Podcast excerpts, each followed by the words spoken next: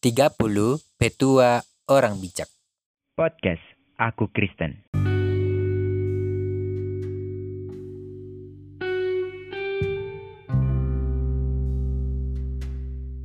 Bebaskanlah mereka yang diangkut untuk dibunuh.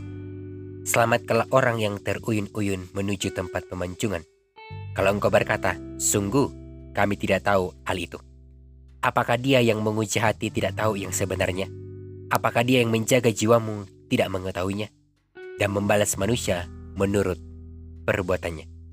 Amsal pasal 24 ayat 11 sampai ayat yang ke-12 ini merupakan petua orang bijak yang ke-25 yang mengajarkan kepada kita begini. Sekalipun orang itu sudah mendapatkan hukuman mati dalam suatu perkara, tetapi kita mungkin bisa menolongnya.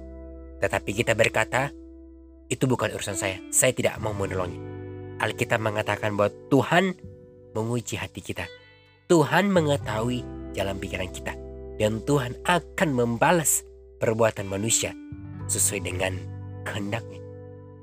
Jadi begini, kalau orang itu masih bisa kita tolong, mari kita menolongnya.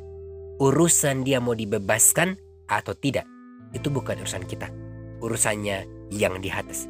Yang penting kita sudah melakukan yang terbaik. Itu yang lebih penting. Jadi menolong orang jangan pikir nanti uh, saya ditolak atau bagaimana. Yang penting kita melakukan dulu karena Tuhan mengetahui bahwa dia memang benar-benar sungguh mengasihi dia, benar-benar sungguh menolong dia tanpa ada unsur yang lain.